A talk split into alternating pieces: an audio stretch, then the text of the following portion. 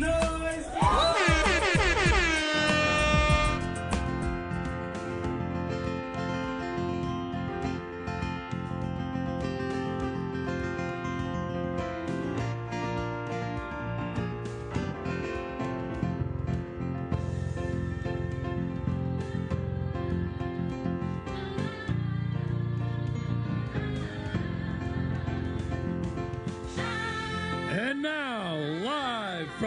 Hackensack Meridian Health, Stage 17, high above Madison Square Garden at the OG Podcast Network studios, in the center of the universe, New York City.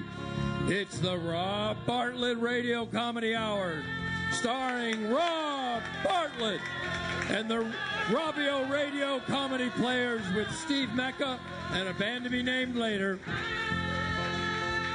And now, here's your host, Rob Bartlett.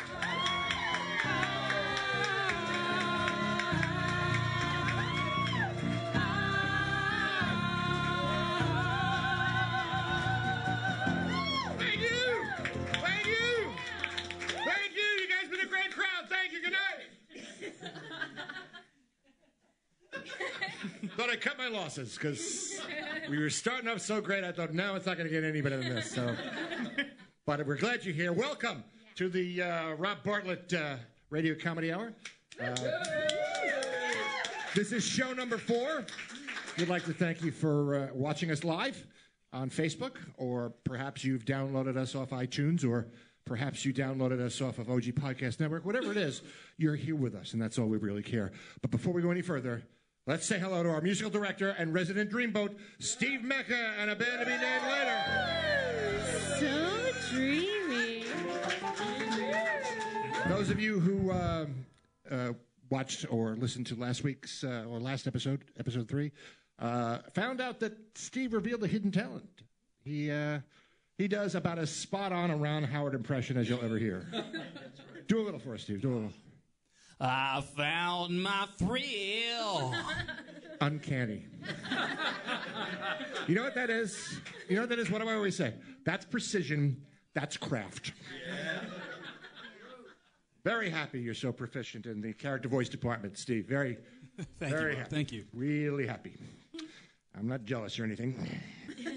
It's not like I was hearing, how come you can't do as good a Ron Howard as Steve does all effing week? But I'm with the show. We have a great show for you tonight. If you're joining us for the first time, let me kind of hip you as to what's going on. This is not like anything else on the podcast programming landscape.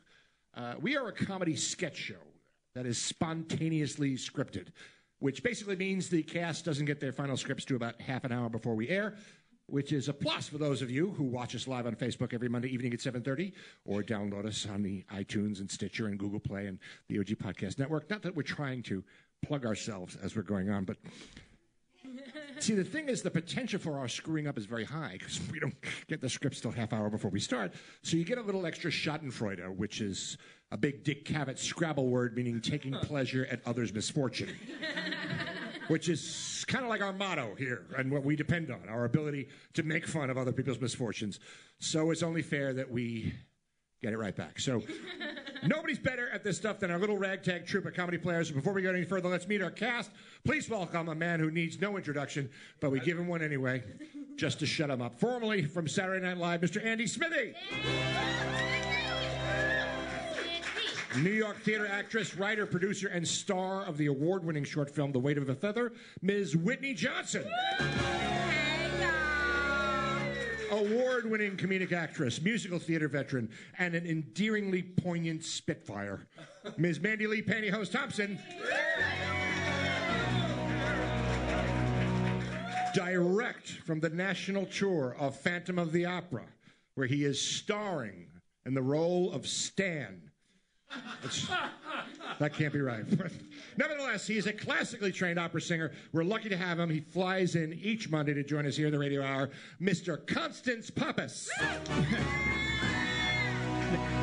Rob, uh, Rob, it's uh, Constantine Pappas. Uh, whatever. And uh, of course, our spiritual leader, multi talented Renaissance woman, actress, writer, singer, dancer, Her performance of You're a Grand Old Flag in her fourth grade production of America, Yes Sirree, is the stuff of legend. The one, the only, Ms. Megan Samard. Thank you. Living legend. Thank you. Now, I wasn't kidding when I said that, that he was a classically trained opera singer.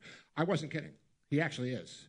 What are some of the operas you've starred in, Conrad? It's Constantine. Uh-huh. Uh, I've been in uh, Il Barbiere di Siviglia, uh, yeah. Carmen, uh Così fan tutti. Oh, you, you know, I, I, I wrote an opera myself. Uh, it was actually more of an operetta. It was called Cosa fan tutti frutti, uh, which was about Little Richard opening an ice cream parlor. A Baskin Robbins. Somebody stole one of the flavors. There was only 30. It was a tragedy. I'm sure lo- losing an ice cream flavor is tragic. No, no, I meant the whole production was a tragedy. The pull quote from the Times was Cosa fan tutti duty. But what's unique about Constantinople, It's Constantine. whatever, Please. what's unique about him is that he can also sing regular, which obviously is a very different style. Most classically trained opera singers don't do that well with pop songs, but I always wondered if Pavarotti and Andrea Bocelli, uh, they would do like an album of 70s and 80s hits, you know, Bee Gees, Taste of Honey, Bo Donaldson and the Heywoods. Wouldn't you like to hear Andrea Bocelli do a version of the theme from Fame?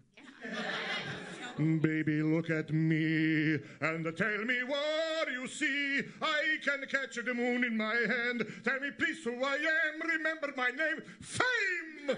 I'm gonna leave forever. I'm gonna light up in the sky, Fame. I'm gonna take you to heaven. People are gonna see me and Fame. Well, whether you're a lover or whether you're a brother, you're staying alive, staying alive. Fever City breaking and everybody shaking and we're staying alive, staying alive. Oh, oh, oh, oh, staying alive, staying alive. Oh, oh, oh, oh, staying alive. She worked hard for the money, so hard for it, honey. I heard my mama cry. I heard her pray. The night Chicago die. Billy, don't be a hero. Don't be a fool with your life. Get up on the floor. We're going to boogie, oogie, oogie, till we just can't boogie no.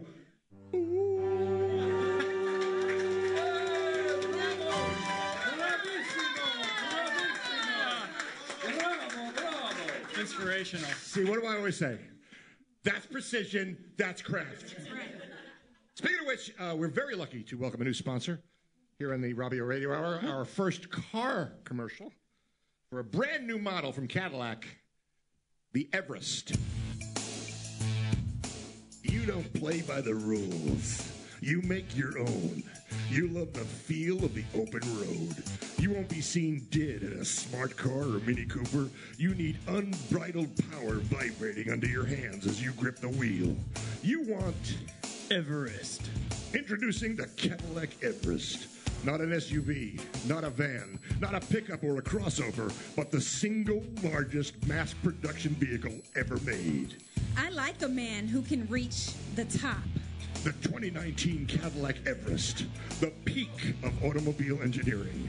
While the rest of the world is looking to downscale their vehicles and find alternate fuel solutions, the Cadillac Everest is a gasoline powered, 3,500 horsepower, 25 cylinder turbocharged beast made of 100% solid cast forged iron that can withstand a drone strike without so much of a scratch. Ooh, I like a man who drives a car that I can see, hear, feel, and smell coming. with four doors, two axles, six wheels, and a 37 foot long chassis. At nine tons, the Cadillac Everest dwarfs every other vehicle on the road. Cut me off? Oh, no. No. I don't think so. The 2019 Cadillac Everest, with the most inefficient combustion engine on any car in history, gets four miles to the gallon. Gas crisis? What gas crisis? I got mine. Zero to 60 in about a minute and a half, depending on tailwinds. I like a man who's in no hurry to get where he's going. More carbon dioxide emissions than any other vehicle ever produced. I like a man whose car says, I just don't give a rat's ass about the environment. The Cadillac Everest. Ain't no mountain high enough. Ain't no vehicle big enough. Climb into one today. Um, can someone give me a boost here? The Cadillac Everest. Because it's there.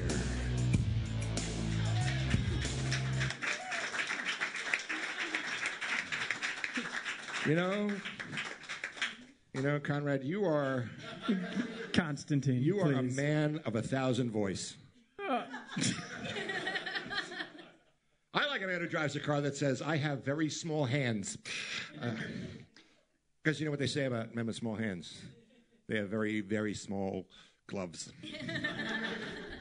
Now, on the first episode, uh, we started a continuing series based on a cross between Dateline and that NPR podcast Serial, where they followed a murder case for 13 weeks. We had our own episodic murder mystery that involved dentists and pancakes. Uh, if you haven't checked it out, we urge you to. It's worth, worth the wait. It was pretty successful. So uh, when it concluded, we, we got a lot of feedback from people who wanted to do another one. So back by popular demand, and by popular demand, I mean Megan's sister Sarah.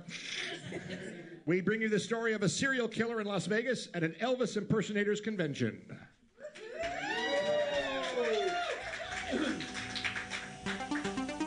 Las Vegas, Sin City. But when 500 Elvis Presley impersonators gathered in Las Vegas for their annual Elvis Impersonator Convention, it was the sin forbidden by the sixth commandment, thou shalt not kill, that rocked that neon town. There were a lot of suspicious minds when the Marrakesh Casino quickly turned into a heartbreak hotel in a case of a hunka hunka burnin' murder. Deader than Elvis.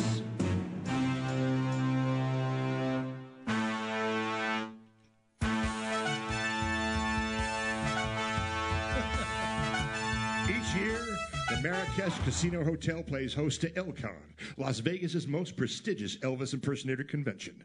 Three days of jumpsuits, sideburns, and curled lips. But this year, on the night before the convention was to begin, things got all shook up when Leonard Sorkin, a past champion of the Elvis impersonator contest, was found dead in his hotel room. I thought it might be fun to date a guy who dressed up like Elvis, you know, so I could pretend I was Priscilla. But then, when I went to his hotel room, the door was wide open, and the guy was on the floor of the bathroom, deader than Elvis, curled up next to the toilet with his pants around his ankles. I thought, wow, this guy's good. What attention to detail. Very authentic. Although, I did think he was overdoing it just a bit. But I was upset. I just paid for a Priscilla Bouffant comb out. Sorkin's death was termed suspicious, pending toxicology reports. The news soon spread through the convention. Russian Elvis impersonator, Elvis Prokopy. Yeah, man. It said that Lenny was dead, uh, but cool, man, that he died like king on throne. It was tragedy, but way I looking at it, there was one less Elvis in the competition. Detective Robert Newmeyer of the LVPD was called in to head up the investigation. Uh, the uh, toxicology report came back negative. Sorkin had been strangled with one of those Elvis scarves the impersonators use in their performances. I wanted to shut down the convention right then and there, but the organizers, the organizers said, "No, no, no, no," or something like what Elvis would say, "No, No. yeah." That's it. They said, "No, not until the last Elvis has left the building." But there wasn't any doubt. We had a murderer on our hands. The organist said, nah, huh? Is that it? The, or, the organ grinders? Or the Organized. Okay. The Elvis impersonator convention was not canceled, but that decision soon proved to be a fatal one. Marrakesh hotel maid Annie Polk Salad. There was this tiny Elvis, uh, mini E, I guess you could say. He was the cutest thing, a perfect little pint sized king. He called himself Elfis. I found him stuffed in the waste paper basket in his room with a huge peanut butter and banana sandwich wedged in his mouth. He'd been suffocated. I was horrified because I knew I was going to have to clean that mess up. I actually knew little Elvis. His name was Hennessy. He was pretty well known little person in Vegas and worked a lot. His big number was a little less conversation, and every time he said the word little, he'd point to himself. It was hilarious. But I couldn't get one thing out of my mind. Is killing a little person the same as murdering a regular sized guy? Or is it just a misdemeanor? The Las Vegas police were now faced with the possibility that there might be an Elvis impersonator serial killer loose at the convention. Vegan impersonator Elvis Parsley. There was this uh, new kid doing Army Elvis. And he had every detail down uniform, everything. Called himself Private Presley. But the ladies called him Presley Privates on accounts that he was hung like the king. well, he went AWOL, and when they finally found him, he was dead with a bear trap around his neck. Private Presley had been caught in a trap. Three murders in three days. The Elvis impersonator universe was rocked to its very core, even more than it was the day the first female impersonator Elvis came on the scene, Ella Viss. I'm a female Elvis impersonator, not a female impersonator Elvis. That means something entirely different. I'm a woman pretending to be Elvis, not a man pretending to be a woman pretending to be Elvis. Anyway, I do the comeback Elvis, you know, 1968 with the black leather suit. Some guys think it means I'm into kinky stuff, but when I take care of business, it's just business. So there's a lot of resentment among the community. And so, anyway, when I came back from my first show and I found my room had been broken into and my blue suede shoes had been stolen, I just chalked it up to the bitterness until they found the next dead body and he was wearing my shoes.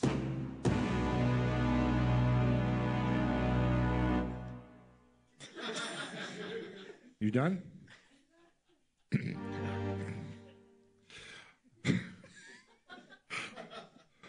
Was the hound dog who was killing all the Elvises?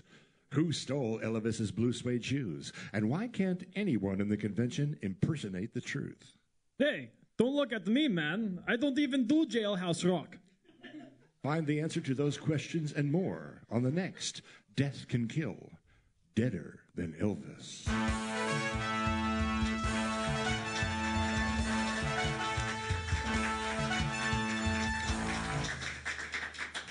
Wow, I can't wait to find out what's next. Oh my goodness. Hopefully, it- it'll involve that Russian Elvis. Guess there's not too many Russian operas, huh, Connor? Hey, Constantine. Yeah, him too. Um, but you know, in addition to being an opera singer, Rob. huh? Rob. Yeah, Rob. Hi. Um, I don't want to interrupt, but I wanted to give you the heads up that the network is sending someone down tonight. Supposedly, someone responsible for the show. what? I don't know, like quality control. They said, or I don't know. Her name's Linda. No, no, no. We can't have somebody come in with the show. We, Did we- we- someone say Linda from the network? Hi. Oh, Hi, uh, Rob. Hi. Hi, hi, Hi. hi, Linda. Hi. Hi. Hi, I'm Linda. Yeah, uh, hi. Um, Hi. Now that we've got the pleasantries out of the Yeah, way, I'm- I I'm- just so happy to be here. well, yeah, it's a pleasure to meet you. Thanks. Yeah. So you're Uh-huh. here from the network. I am. I'm here from the network. Uh-huh. Um, I'm just here to make sure that everything goes smoothly and that this show can be the best it can possibly be. Although I have to say, Rob, I'm a huge fan, and I can't see it going wrong in any way if you're the lead. You know, Sometimes. because I'm just like a big fan. Did you know I've seen you 42 times on Broadway? R- really? Yeah. I-, I was not in that many shows. I, Oh no, I saw you once in a show, but I've seen you on the street in Broadway like 42 times. oh, okay. You have a new messenger bag. It's really nice. I like it a lot. That's not too uncomfortable. Uh, No, no, not at all. so, so you're you're you're here because you're Yeah, okay. not to be a total bummer, but the network sent me down because they just want to make sure that you always talk about social media on the show because, you know, sometimes you forget, you naughty boy. Well, there's a lot I got to do. There is a lot. Uh, there's a lot you got to do because you're the star. True, and, and That's true. and I write, and Yeah, I but that's okay because I can talk about social media. Uh, You want me to let them know what's going on? That'd be cool. Okay, cool. Okay, so everybody write this down.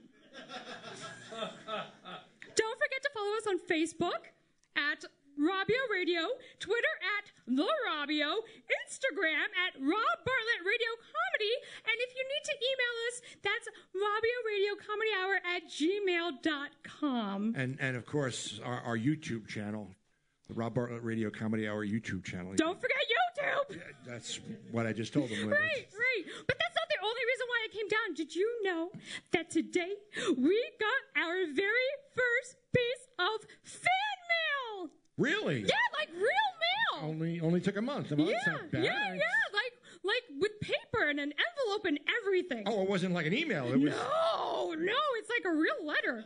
Oh, I'd like to. I'd yeah, like to- I brought it. Do you want? You do, did? Yeah. Would you like me to read it for you? Would you please? I would yeah, love to know what it I'm says. so excited to share this with got it instead everybody. me, but okay, no, I'll read it. Well, You know I love the show. yeah, I, I know. I, And I've always wanted to be on it. I, I'm getting that feeling. Yeah, okay, so here's the letter.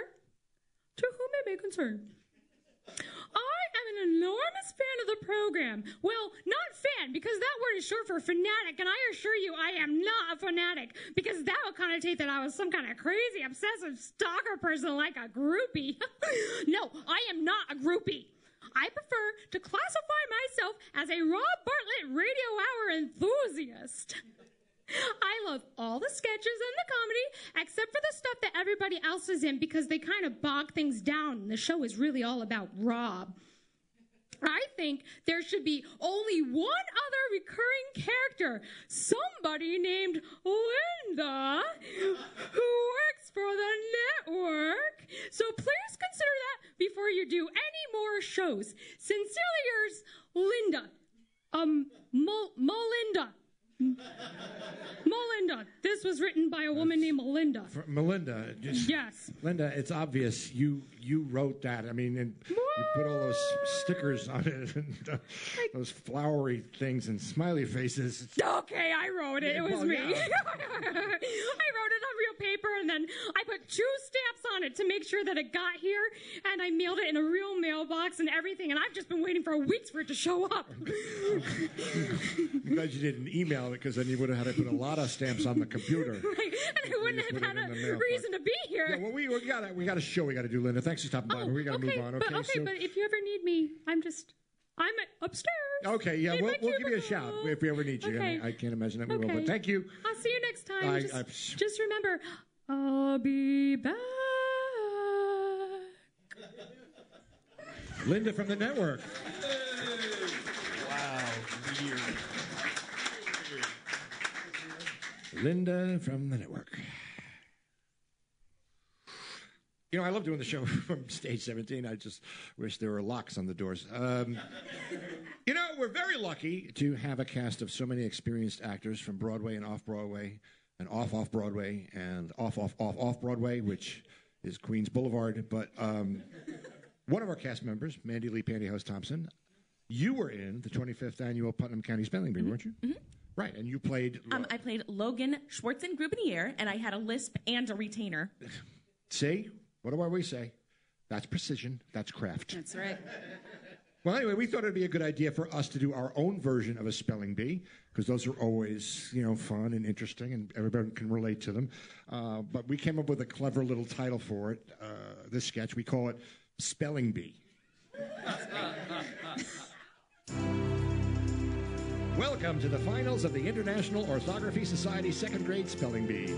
In this final round, if the speller is incorrect, they are out of the game. Go, Isabella! Mrs. Michaels, I'm sorry, but we must ask you again to please refrain from shouting out to the children on stage. Oh, I'm not. I'm just shouting to my daughter. Yes, yes, I, I know, but the rules forbid that behavior.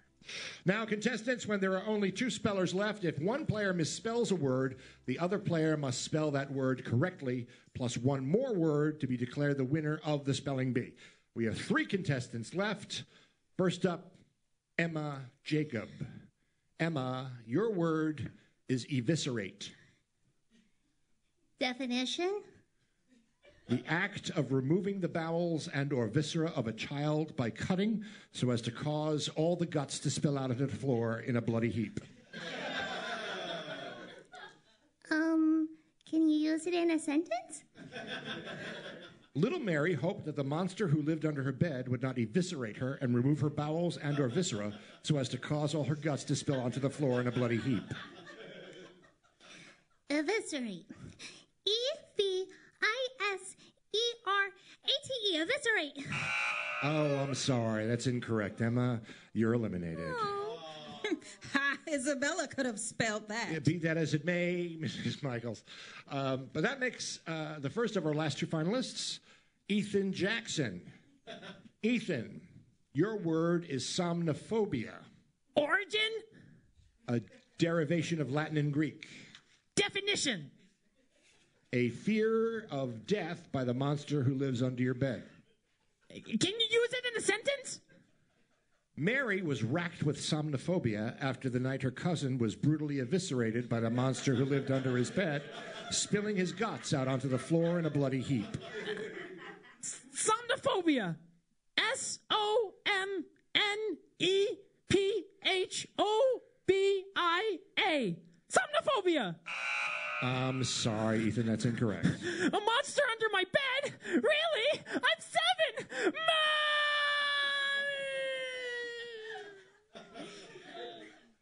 That leaves Isabella Michaels as our final contestant. You, you go, girl. Mrs. Michaels, I must ask you once again to refrain from any further outbursts or you will be asked to leave. Just cheering my little girl on. You got this, baby. Yes, but we must have decorum. Decorum. D I. No, no, no, you, you were both eliminated. Uh.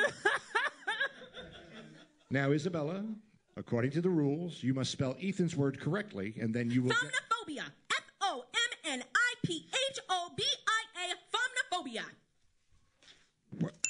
That's correct. You damn right it's correct. See, that's where you guys would have normally applauded, but that's okay. 'Cause- Thanks a lot. We talked about this! Isabella, if you spell this next word correctly, you will be the winner of the International Orthography Society's second grade spelling bee. Isabella, your word is Nuckalavee, Origin? Scottish. Definition. A skinless centaur with a single enormous eye, arms that drag upon the ground, and a snout like a pig who lives under your bed. Can you use it in a sentence? Although your parents told you that your baby brother was stolen by gypsies, he was actually torn apart limb by limb and eviscerated until his guts spilled out onto the floor in a bloody heap by the hideous Nuckalavee that lives under your bed. N U C K A L A V E E. Nuckalavee. There. We win. Ah, way to go, sweetheart. Come on, grab your trophy and let's go home. After staying in the hotel for so many days, I'm looking forward to sleeping in my own bed. Um, mother, if it's all the same to you, I think I would prefer to stay at a hotel, given the new disturbing information that's just come to light. Okay. Gypsy's mother, really? You couldn't come up with something better than that?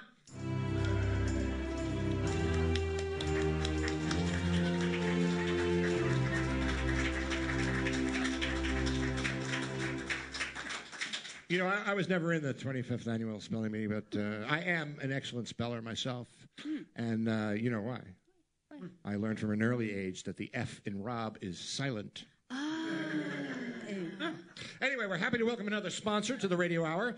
Uh, you know, we have quite a few female followers of this program, and not just Megan's sister Sarah. No. Um, we have quite a few female followers, and you know why? Because we feature so many talented women in the cast? No, because the women's they love the Rabio. and so we're delighted to welcome to the program a brand new perfume designed for that special, indescribable woman in your life. Je ne sais pas. I am a woman unto myself. I am not like anyone else. I am an original, but I am a contradiction. Je ne sais. I am many things. I am unique yet distinctive. Uh, wait a minute. Aren't those both the same thing? Je ne sais. Bold yet reckless. Okay, now those are both definitely the same thing. Je ne sais. I am my own woman, which is why I don't want to smell like anyone or anything else. Je ne sais. I am scandalous but shocking. Oh, come on. You have to know those are synonymous. It's not an either I or. I am private, but I like to keep secrets. God damn it, that's the same thing. I am so confused. Je ne sais pas. The new fragrance from Francois Lemerde.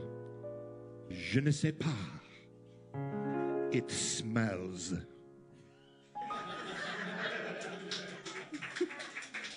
See, a sophisticated scent for a sophisticated program. That's right. Because I'm all about sophistication. Because I'm from Long Island. Mm-hmm. Now, this may surprise you, but I am not the only famous person to come from Long Island. There's Jerry Seinfeld, Alec Baldwin, both of whom come from Massapequa, like me. Actually, I'm from Massapequa Park, which is kind of like the wrong side of the tracks from Massapequa. Literally, the Long Island Railroad tracks. In fact, if God was going to give the earth an enema, Massapequa Park is where he'd stick the hose. I'll put it this way it's not quite as classy a town as Hicksville, which sounds like you can only live there if your parents are related by more than just marriage. One of my favorite people uh, is from Hicksville, the Long Island medium, Teresa Caputo. She. Uh, she and her husband Larry went through a little rough patch recently. They were they were separated about three months ago, and now I just found out they're officially filing for divorce. He apparently found somebody special, so I guess our girl Teresa is going to have to start dating again. But I wonder what that must be like, dating a medium. Hi, welcome to Olive Garden. Can I get you any? Oh my God, it's you, the Long Island medium, Teresa Caputo. I can't believe you're here at the Olive Garden. I love your show. Yeah, thanks, but I'm uh, not working right now. I can't help you. Oh, of course. Uh, so sorry to hear you broke up with your husband. Yeah, well, it happens. You would have thought Spirit would have given me a heads up that there was a problem, but uh, can we have a couple more minutes, please? Oh, so is this a date? Yes. Wow. I may be a medium, but you must be a psychic. I'm not actually. I, I just guess. It was a joke. Oh. We're not quite ready yet. Okay. Okay, well, uh, uh, of course, I'll leave you two alone. Thanks. Uh, does that happen a lot? Oh, yeah, all the time. Have you eaten here before? No. Don't get the eggplant parmesan. It's not very good here. I thought you said you hadn't eaten. How did you know? Spirit.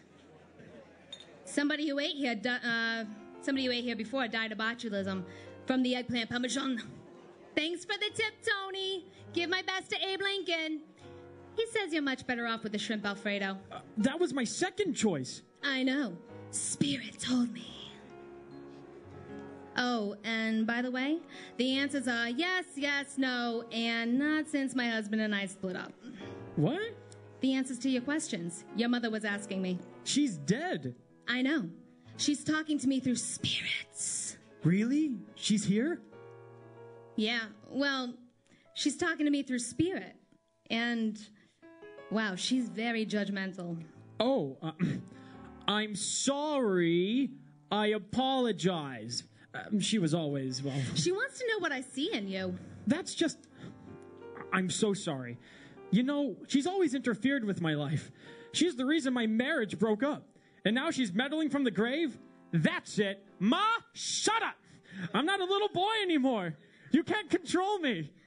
I make my own decisions. I am going to live my life the way I want to, no matter what you say. And you can't do anything about it. Oh boy, she's not happy now.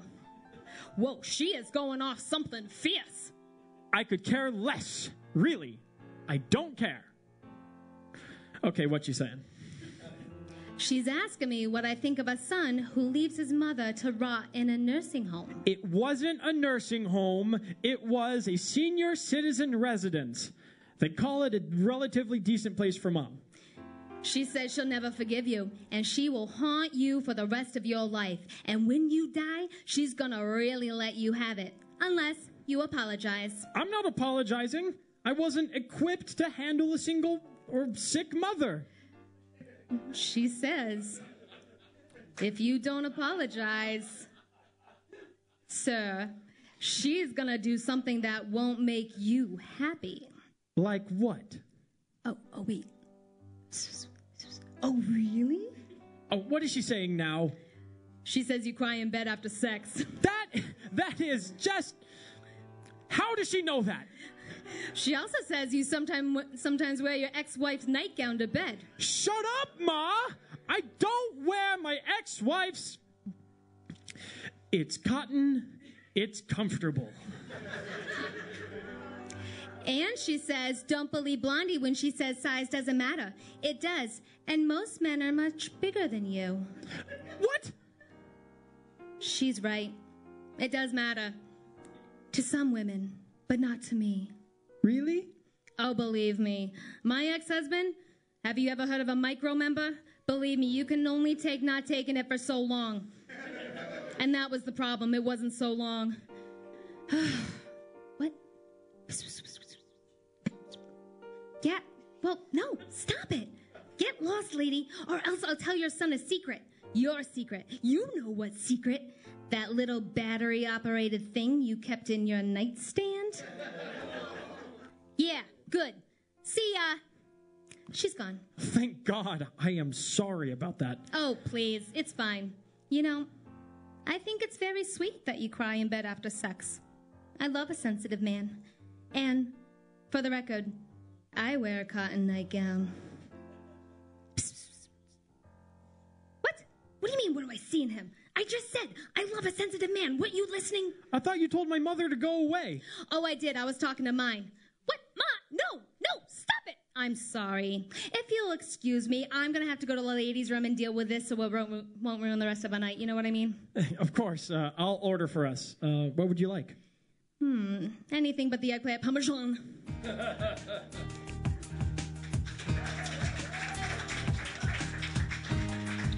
I, uh, I especially like the. Uh, pss, pss, pss, was it actually. Ghost sounds. Yeah, it actually sounded like it was coming from the from the afterlife. It was. See, that's that's precision. That's craft. Uh, by the way, uh, I also cry in bed, but before sex. Oh. It's part of the begging process. How about you, constipation? Constantine. Yeah, him too. Um, was that like a little uncomfortable for you to like watch him say those things? Constantine's mom is here, and his whole family's here. No, but alive. But yeah, I know. well, we know that you don't have anything like that in your nightstand because you, of course, you're such a classier woman. So when he told us that you did, I said, well, we're not going to put it in the script because it's. Of course, I lied because we did put it in the script, but that's another story altogether. And uh, is it is it a crushing disappointment to watch him when you're sitting there and? I'm just, kidding. Just- I'm just trying. I'm, I'm trying to help you here. uh, the pharmaceutical industry. See how I move from that one topic to another. You know, and, and you're not a single mom, obviously, because he's here. Sick. S I C K. Single. S I N G L E. It's really funny. It's just. It's okay. It's just. They got the script a half hour before we started. What are we going to do? You know what I mean? But you know, maybe law school. Just a thought. Um, the pharmaceutical industry, and like I said, I am king of the segues. They've been a very loyal supporter of us here at the Radio Hour, and we have another exciting new product that really is kind of a wonder drug. Brought to you by the same people that brought you Masculantin. Pain, throbbing, stabbing, relentless. You feel like steel spikes are being driven into your head. Ah, panacea. Scratchy, burning throat, like you've swallowed razor blades, broken glass, and barbed wire. Ah, panacea. Waves of nausea, a queasy feeling. Your stomach feels like you're on a dinghy caught in a monsoon. Panacea. Panacea. Nothing provides such powerful relief. Panacea, the remarkable universal symptom remedy. No matter what you're suffering from pain, discomfort, nausea, insomnia, excess hair growth nothing works faster than Panacea. I love the spicy food, but it don't love me. I used to suffer from awful heartburn. That is, until a friend of mine gave me some panacea. Now I can eat hot peppers right out of the jar. And not only that, but I don't get the bad breath anymore, neither. This stuff's great. Nothing is stronger or works faster than Panacea because Panacea contains ubiquitol 16, the miracle compound that scientists are still learning the wonders of. I had embarrassing eczema on my face and neck that disappeared 20 minutes after I took my first dose of Panacea. It also curbed my appetite to the point where I peeled off 30 pounds in two days. Let me tell you something. It's like a cure all miracle. Hi, I'm actor director Ron Howard. you might know me from Happy Days, Splash, Apollo 13, and Heidi Montag says no to plastic. I had this itchy sensation around my genitals that I'm telling you was driving me crazy. But my brother gave me two panacea, and I couldn't believe the instant relief. Sometimes on those days when I have a problem with irregularity, I just take Panacea and I am right back on track. It's also arrested my short term memory loss, filled in the itchy, patchy bald spots I used to have, and arrested my short term memory loss. Thanks, Panacea. Panacea, formerly only available in Europe. Now you can get it right here, over the counter, in the United States, in your grocer's freezer. Panacea, good for whatever ails you. Not approved by the FDA for human consumption. May be severely habit forming. Do not drive or operate heavy machinery while using. Do not take if pregnant, nursing, or presently under a doctor's care for high blood pressure, diabetes, neck injuries of any kind, or if you've had a recent surgical procedure. If a foul smelling discharge should occur, discontinue use immediately. While taking, a strange green glow may appear around the pupils of the eyes. This is normal and will subside with continued use. May cause consistent ringing in the ears. Ah, Panacea!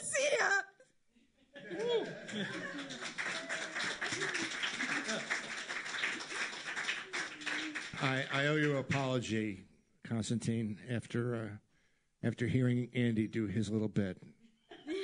I, I, I owe you an apology. It's okay. Because after that, I think I may need to take a handful of penicillin. Uh-oh. You know what that means. Oh, yeah. Here she come, here she come, here she come. It's a party now. What she wear, what she wear, what she wear? She wears pantyhose. What's her name, what's her name, what's her name? Thompson. Oh, yeah. It's Pantyhose Thompson. Welcome back, Pantyhose. Oh, thank you so much, Rob. I get my own theme song. I'm so gosh darn flattered.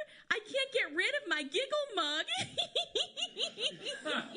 Uh, giggle, giggle mug? yeah, that's when you can't stop smiling, which I've been doing ever since you asked me back on the program, don't you know? Well, your, your segments were great. Well, thank you. When you didn't have me on last time, I thought maybe I didn't meet the high standards you set for this show. But then when I saw you had brought back that uh, murder can kill thing, I knew that wasn't the case. So, uh, you like being here in New York again? Oh, yeah. It's the city that never sleeps, Rob. Oh, boy, do I need a nap. Oh, and I brought my little puppy Hufflepuff with me this time. Yeah, I got her all dolled up in this cute little doggy sweater I knitted her just for the trip. She looked cuter than a Garfield lunchbox with a Hello Kitty thermos inside. and I took her over to that uh, Riverside Park dog run. Uh-huh, yeah. Quite the fancy little canine soiree you got over there. Sure. Uh, but I noticed New York dogs are a lot different than Minnesota dogs. Don't you know? They, they were all huddled together looking at Hufflepuff like they were sizing her up or something. And there was this dachshund, uh, Jerry, I think his name was. What's the deal with the sweater on that terrier? Who gives a dog a sweater? It's a dog. It's already got a sweater. It's called fur. It's a sweater on top of a sweater. It's a double sweater. And it's July. Rocky, am I right? And there was this boxer. Absolutely. Double sweater. Are you okay? Yeah, just a little woozy. I ran into a mirror this morning. Rocky, you run into a mirror every morning. You got to stop chasing those parked cars. There was a poodle. I'm not sure if the New York dogs are religious, but this one might have been Jewish.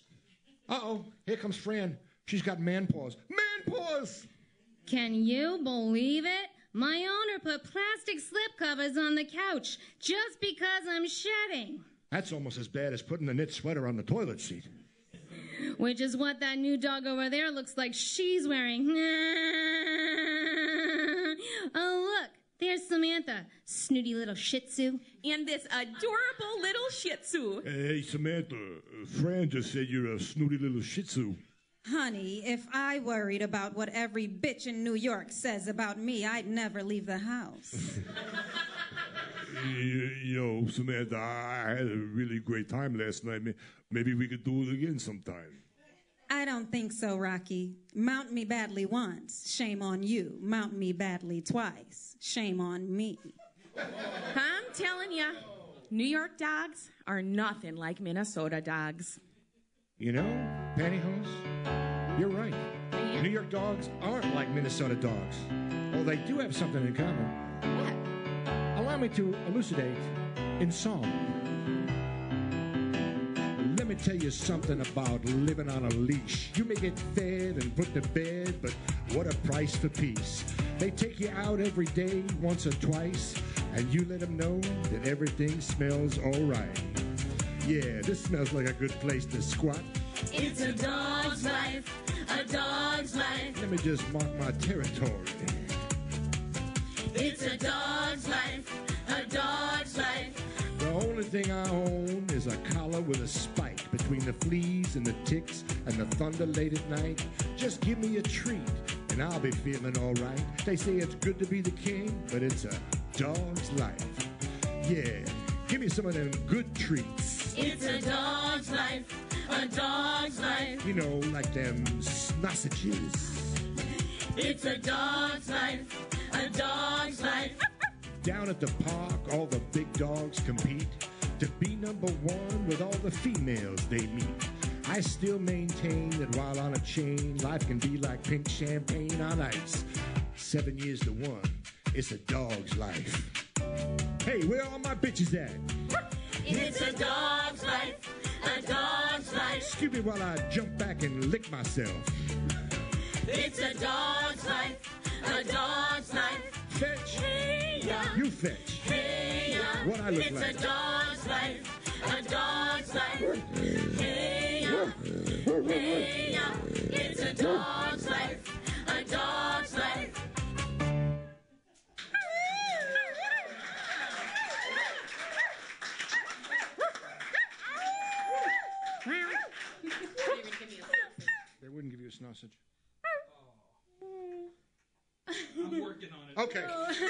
Let's just stall for time. Hi, where y'all from? Yeah, me too. Huh. That does it for our show. Those are the sounds. That does it for our show tonight, ladies and gentlemen. Thank you for joining us. Our program is produced by Gary Grant and me, Rob Bartlett. Written by Andrew Smith and me, Rob Bartlett. Featuring Megan Samard. Mandy Lee Pantyhose Thompson. Andy Smithy. Whitney Johnson. Constantine Pappas. You got it right. And me, Rob Bartlett. Original music composed by Gary Grant, Steve Mecca, and me. Well, actually, just Gary and Steve. I had nothing to do with that one. Steve Mecca and a band to be named later. We come to you live each week from the Hackensack Meridian Health Stage 17, streamed by the OG Podcast Network, directed by Gary Grant, and is a production of Baby Head Production Studios and Gary Grant Talent Associates. No animals were harmed in the recording of this podcast. See you next week, everybody. Subscribe, download, be somebody.